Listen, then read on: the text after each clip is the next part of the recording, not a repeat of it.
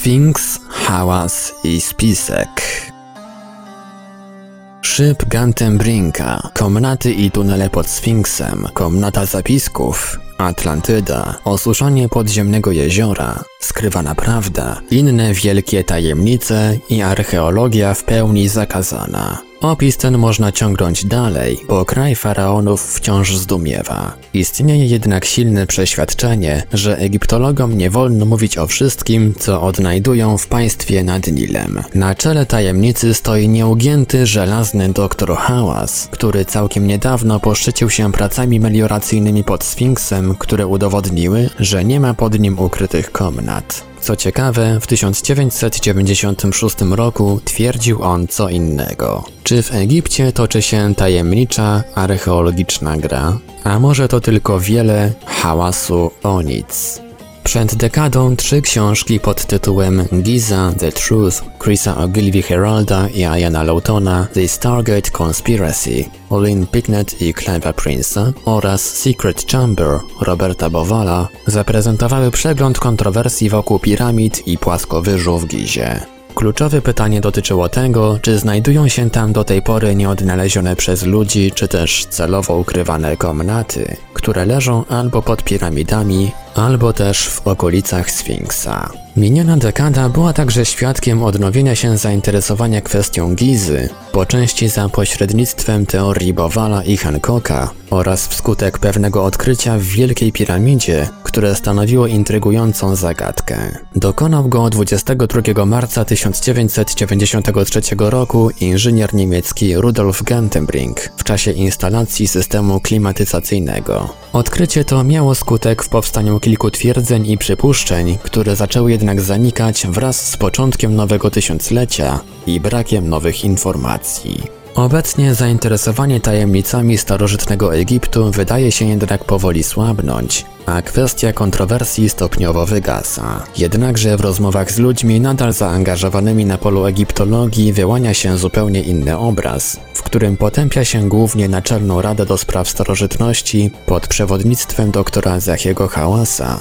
który kieruje nią od roku 2002. Co ciekawe, wielu egipskich archeologów uważa, że jego dyktatorskie rządy to jedynie czubek góry piaskowej, obok prób tuszowania faktów, rzucania oszczerstw, przywłaszczeń i innych niegodnych uczonego czynów. Przez kilka lat nikt nie pisał na ten temat, jednakże sytuacja jest co najmniej tak zła jak pod koniec ubiegłego wieku. Naczelna Rada Starożytności stanowi część egipskiego Ministerstwa Kultury, odpowiadając za konserwację, zabezpieczenie oraz regulacje prawne dotyczące starożytnych zabytków oraz wszelkich prac archeologicznych na terenie państwa. Przez ostatnią dekadę przeciętny widz telewizyjny mógł dojść do wniosku, że na świecie istnieje jeden egiptolog i jest nim właśnie stylizowany na poszukiwacza przygód pan Hałas. W rzeczywistości jest on jednak bardziej zarządcą aniżeli archeologiem. Można nawet spierać się, czy przy tak dużej ilości czasu spędzanej na wykopaliskach ma on jeszcze chwilę na zarządzanie, jednakże pierwsze z zajęć przyciąga znacznie więcej uwagi mediów, do których wiele osób, w tym jego, ciągnie jak ćmy do światła. Hałas pozostaje zatem postacią kontrowersyjną, która znalazła się w centrum uwagi Egiptu i świata w latach 90. ubiegłego wieku. Według biografa słynnego jasnowidza Edgara Casey'ego, Roberta Smitha, w latach 90. Hugh Lynn Casey, syn Edgara, powiedział rzekomo: Załatwiłem mu, to jest Hałasowi, stypendium na Uniwersytecie Pensylwańskim, gdzie miał zdobyć doktorat.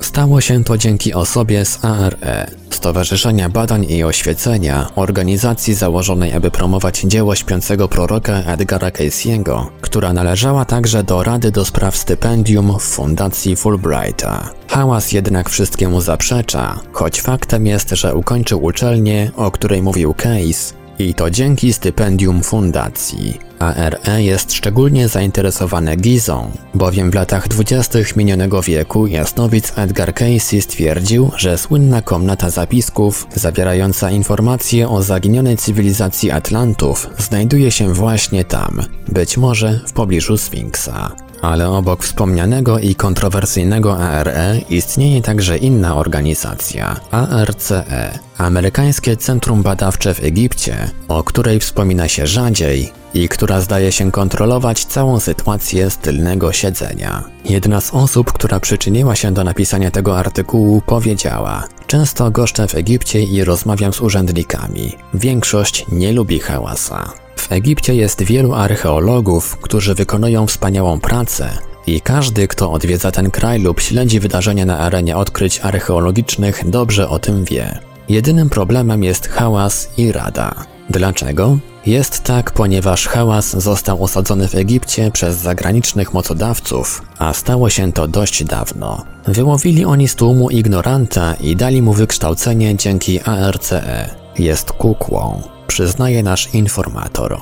Wszelkie tajemnice nie wyjdą na światło dzienne. Jeśli hałas jest na swoim miejscu, to tylko dlatego, że wie, jak oddziaływać na egipski nacjonalizm. Słyszałem, jak każdego dnia mówił o obcokrajowcach chcących wywozić z Egiptu jego skarby. To sprytne, ponieważ stawia go to w sytuacji obrońcy, którego nie można usunąć. Sama Rada również otrzymuje wytyczne z zagranicy, skąd z kolei otrzymuje konkretną pomoc. I może tak być rzeczywiście, bowiem jeżeli ktoś uważa, że pod względem archeologicznym Egipcjanie w pełni kontrolują swój kraj, jest w błędzie. Naczelną organizacją, o której tu mowa, jest Amerykańskie Centrum Badawcze w Egipcie, na którego stronie internetowej czytamy. Wśród wielu wielkich osiągnięć ARCE znajduje się współpraca z Egipską Radą do Spraw Starożytności, bez której nasza praca byłaby niemożliwa. ARC uważane jest za jedną z głównych instytucji stojących na straży zachowania egipskiej spuścizny narodowej.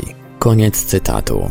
ARC założono w 1948 roku jako konsorcjum instytucji kulturalnych i edukacyjnych. Sama organizacja podkreśla, że jej zadaniem jest także zacieśnianie więzi amerykańsko-egipskich oraz zapewnienie bytności północnoamerykańskich uczonych w Egipcie. Co interesujące, strona internetowa ARCE wspomina także o tym, że przy pomocy amerykańskiego Departamentu Stanu w 1962 roku organizacja rozpoczęła zakrojoną na szerszą skalę działalność charytatywną.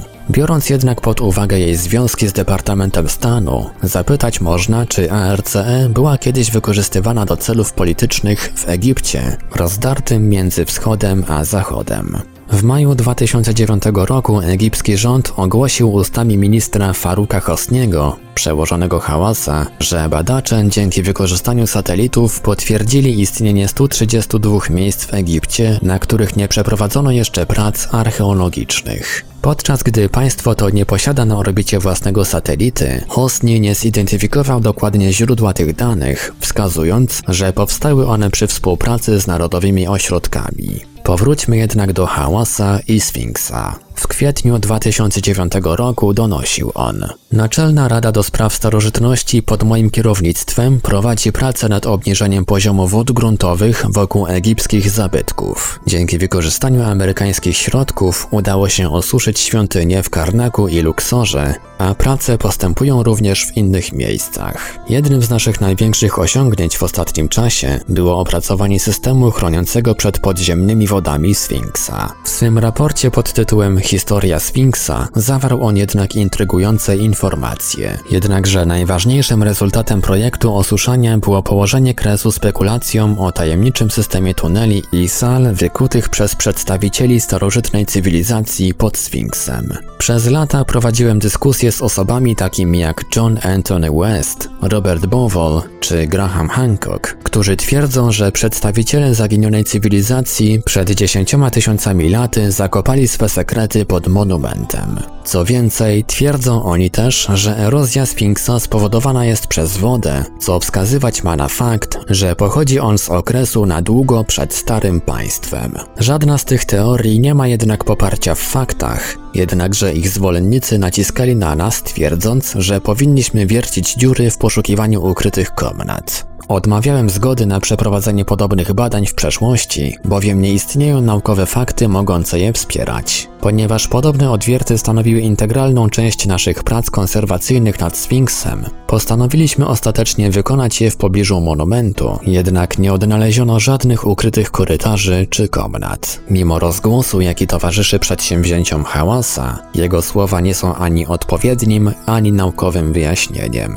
Istnieją bowiem wyniki badań, takie jak te z 1992 roku, czy też badania radarowe wykonane 4 lata później, które jasno wskazują na istnienie geologicznych anomalii, czyli pieczar, z których część ma najprawdopodobniej pochodzenie naturalne. Niektórzy mogą, a niektórzy otwarcie twierdzą, że hałas specjalnie szukał wód gruntowych w tych miejscach, w których wiedział, że nie natrafi się na puste przestrzenie oraz naturalne czy też wykonane ręką ludzką komnaty i korytarze. Przeprowadzone przez niego badania wobec zagrożenia wodą były sensowne, jednakże oświadczenie o braku podziemnych przejść i komnat nie może być uznane za wiarygodne i wiążące, a to z racji ograniczonej skali przedsięwzięcia. Bez wątpienia pod Sfinksem coś się znajduje, a potwierdziły to nie słowa natchnionych jasnowidzów, a badania innych uczonych. Zatrzymajmy się jednak na chwilę w tym punkcie. Na konferencji w kwietniu 1996 roku sam Hałas ogłosił krajowym dziennikarzom, że pod Sfinksem i wokół piramid znajdują się tajemnicze tunele. Oświadczył wówczas, że wierzy w to, że istnienie tych korytarzy może odsłonić wiele sekretów budowniczych piramid. Nie jest jednak niczym nowym, że poglądy często się zmieniają.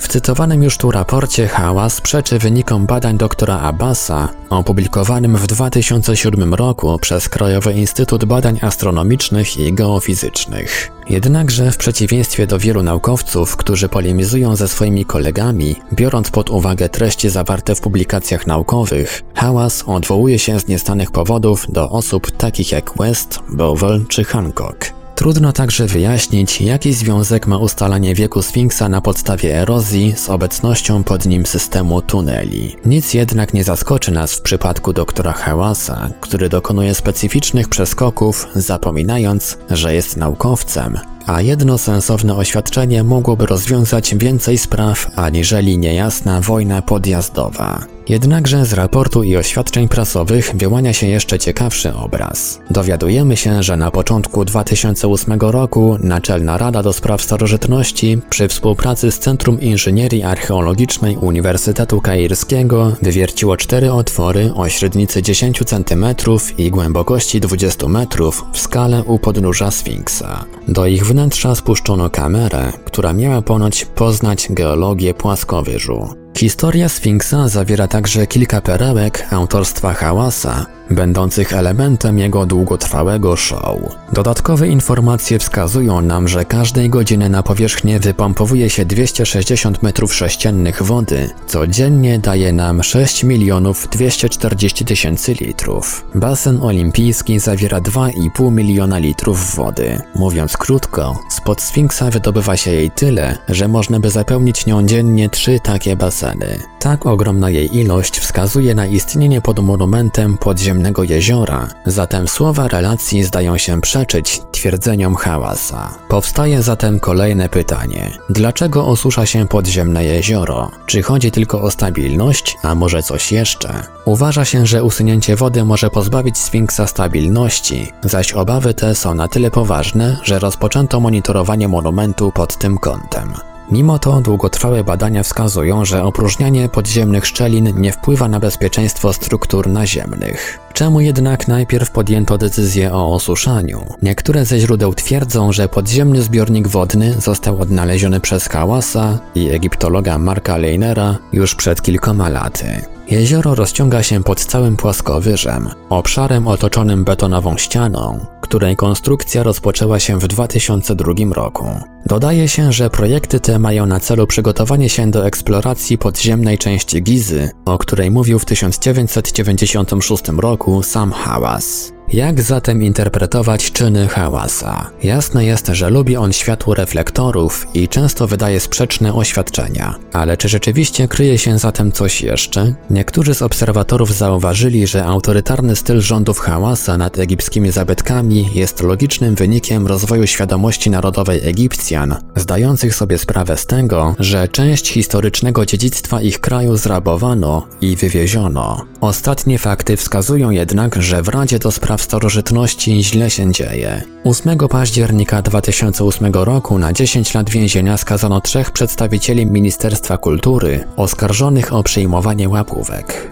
Jeden ze skazanych, Abdel Hamid Kutb, był kierownikiem Wydziału Technicznego Rady do Spraw Starożytności. Kontrakty, w sprawie których padły oskarżenia o korupcję, dotyczyły renowacji kilku słynnych egipskich zabytków. Hałas bronił Kutba, gdy tego aresztowano, twierdząc, że nie był on w stanie wpływać na wyniki przetargów. Sąd uznał jednak inaczej. W wywiadzie udzielonym BBC Hałas powiedział, że podejmie niezwłoczne akcje przeciwko wszystkim pracownikom, na których ciąży choć cień podejrzenia, nawet jeśli ta osoba okaże się niewinna. Głosy mówiące o tym, że hałas jest niepopularny nawet w rodzinnym kraju, wydają się zatem nie być przesadzone. Nie jest to jednak pierwszy przypadek, gdy na doktora Hałasa padł cień, bowiem w tym samym czasie, gdy robot Gantembrinka odkrył sekretne drzwi w Wielkiej Piramidzie 22 marca 1993 roku, Hałas odsunięty został od swej roli szefa inspektorów piramid w Gizie. Czy to przypadek? A może Gantenbrink dobrze wiedział, że jeśli nie ogłosi światu o swym odkryciu wtedy, to nie zrobi tego już potem z racji swoistej cenzury.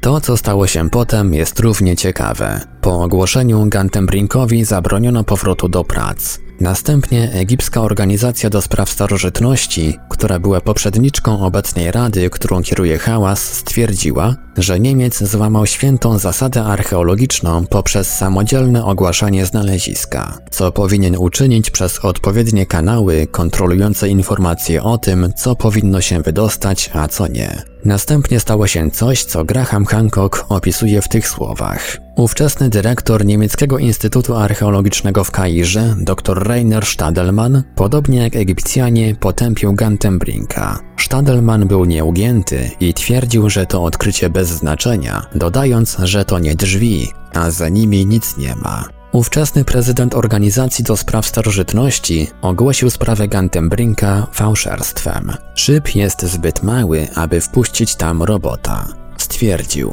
To właśnie Bakr usunął hałasa z dotychczasowego stanowiska, twierdząc, że na jego oczach z Gizy skradziono cenny posąg. Zacytujmy Hancocka raz jeszcze. Trzy miesiące później, w czerwcu 1993 roku, sam dr Bakr utracił stanowisko, na którym zastąpił go dr Nur el-Din. Wśród oskarżeń o nadużycia i oszustwa dr Bakr wspominał o mafii, która opanowała piramidy od co najmniej 20 lat. Nie chcąc podawać nazwisk, Bakr powiedział: Chciałem, aby wszystko zbadały odpowiednie służby, ale moją prośbę odrzucono. Na początku 1994 roku hałas został przywrócony na dawne stanowisko. Choć Bakr nie był wiarygodnym źródłem informacji, pobrzmiewają nam tu w tle echa wskazujące na ARCE. Powrót doktora Hałasa był uważany za skutek amerykańskiej interwencji, twierdził Chris Ogilvy Herald w magazynie Quest for Knowledge. Przewodniczący dzisiejszej Rady do Spraw Starożytności wydaje się zatem wyjątkowo odporny, niezależnie od tego, czy chodzi o zaginione posągi, czy o nieprawidłowości w działaniu jego urzędu.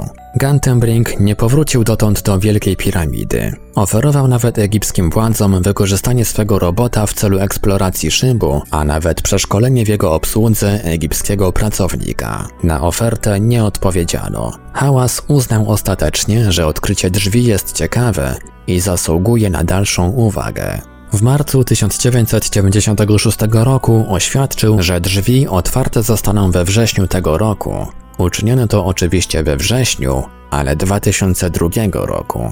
Wydarzenie to retransmitowało wiele stacji telewizyjnych na całym świecie, jednakże odkryto przy okazji kolejne drzwi, których otwarcie zostało ogłoszone na bliżej nieokreślone wkrótce. Ci, których ciekawi, co znajduje się za nimi, wciąż czekają.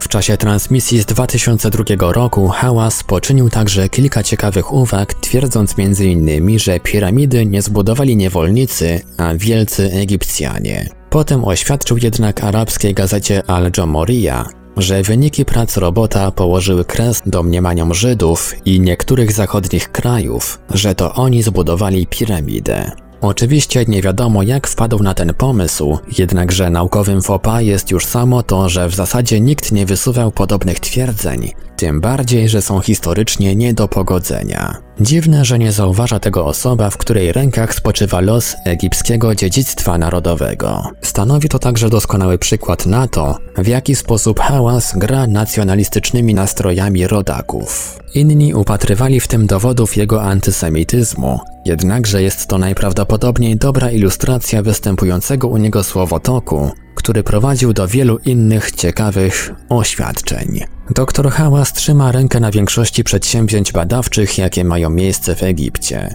Sprawuje także pieczę nad tym, w jaki sposób potem się o nich donosi. Dowody na to pojawiają się nie tylko w przypadku łamiącego zasady Gantembrinka, ale także doktora Abasa, którego raport na temat Gizy był przez długi okres wstrzymywany. A w kolejce znajduje się jeszcze wiele podobnych, w przypadku których zawsze pojawiają się jakieś powody zwłoki. Takie traktowanie nie ma oczywiście nic wspólnego z nauką. Chodzi o kontrolę. Dlaczego bowiem Egipska Rada do Spraw Starożytności nakłada tak surowe kary na tych, którzy chcą publikować naukowe wnioski bez jej zgody? Karą tą jest czasem zamknięcie wrót do dalszych prac w kraju. Nikt nie wątpi natomiast w to, że to sam Egipt decyduje o tym, kto rozpoczyna pracę i na jaką skalę.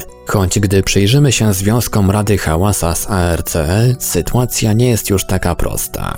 Zgoda na prowadzenie prac powinna pociągać za sobą pełną wolność w publikowaniu ich wyników. Jednak jest inaczej, bowiem w przypadku Egiptu wnioski muszą zostać zaakceptowane do publikacji, a nawet wprowadza się w nich zmiany. Hałas usuwa na bok te opinie, które nie pasują do jego wizji starożytnego Egiptu, ale z drugiej strony to w jego rękach spoczywa odpowiedzialność za utrzymanie statusu quo w obecnej historii tego kraju. Stara się on utrzymać opinię, która jest wynikiem konsensusu. To dlatego często wymienia takich autorów jak Hancock, Bowell czy West. Niestety swym postępowaniem przysparza sobie wrogów, których poczet zasilają dalej ci, którzy zostali przez niego znieważeni, bowiem raczyli się nie zgodzić z decyzją jego i jego urzędu. W 2008 roku profesor Barry Kemp donosił o swych odkryciach w Armanie, mieście stworzonym przez faraona Echnatona, którego starano się wymazać z kart historii kraju. Donoszono, że w mieście Kemp natrafił na szczątki ludzi wskazujące na oznaki wyczerpania, ekstremalnego wysiłku oraz największej śmiertelności, widziane kiedykolwiek w miejscach wykopalisk. Dowody wskazywały zatem na brutalny reżim Echnatona, Jednakże dowodom tym od razu sprzeciwił się hałas, który zwykł znieważać w krajowych serwisach informacyjnych wszystkich tych, którzy według niego zniekształcają historię. Twierdził on, że odkrycia nie mają jakichkolwiek naukowych podstaw, dodając, że budowa miasta Echnatona była obsesją starożytnych Egipcjan, podobnie jak piramidy w Gizie, i wielu robotników chciało brać udział w narodowym przedsięwzięciu, z czego byli dumni. Kolejny przykład łączenia współczesnego nacjonalizmu z dorobkiem starożytnych. Odnosząc się do teorii geologa Roberta Shocka mówiącej, że Sfinks jest znacznie starszy aniżeli piramidy, Hałas stwierdził: Jeśli geolodzy udowodnią to, co mówi Shock, moja opinia jako egiptologa i tak będzie taka, jaka była. Mówiąc krótko, nie liczą się dowody, bowiem dla doktora Zachiego jego dziedzina to nie nauka, ale religia, której on broni przed wywrotowcami. Choć można obwinać go o wiele rzeczy, równie ważny dla egiptologii jest fakt, że potrzebuje ona pewnych wewnętrznych porządków, bowiem od lat 40. XIX wieku jej paradygmat nie uległ zasadniczym zmianom. Liczące się dowody naukowe były odsuwane w cień w celu utrzymania przy życiu dogmatu, do którego przylega nie tylko hałas, ale i wielu innych uczonych. W 1984 roku 85 próbek pobranych z Gizy, w tym 5 uzyskanych ze Sfinksa, poddano datowaniu radiowęglowemu. Wyniki wskazały na okres od 3809 do 2869 roku przed naszą erą. Oznacza to, że przyjęta wersja teorii o okresie budowy piramid była błędna. Bowell, cytując Marka Leinera, zauważył, że piramida w Gizie jest o 400 lat starsza niż uważali egiptolodzy. W latach 50. ubiegłego wieku Zakaria Goneim, ówczesny inspektor egipskich zabytków, odnalazł nienaruszony sarkofag faraona Sechemheta, znajdujący się w jego piramidzie. Gdy go otwarto, w środku nie było mumii. Sarkofag był pusty, ale w tym przypadku nie można było obwiniać o to złodziei. W wielu przypadkach, także w Wielkiej Piramidzie, egiptolodzy upatrywali działalność złodziei jako główną przyczynę opróżnionych sarkofagów. Jeśli jednak przyjrzeć się dokładniej tym sprawom, taki obraz sytuacji nie byłby już tak oczywisty. Egiptologia patrzy bowiem z niełaską na niektóre starożytne relacje. Przykładem tego może być relacja Diodora Sycylijskiego, który napisał, że żaden faraon nie spoczął nigdy w piramidzie, którą miał dla siebie tworzyć. Miano ich bowiem chować w sekretnych miejscach. Egiptolodzy preferują jednak rozwiązanie mówiące, że w przypadku braku innych dowodów i możliwych teorii, piramidy muszą być grobowcami.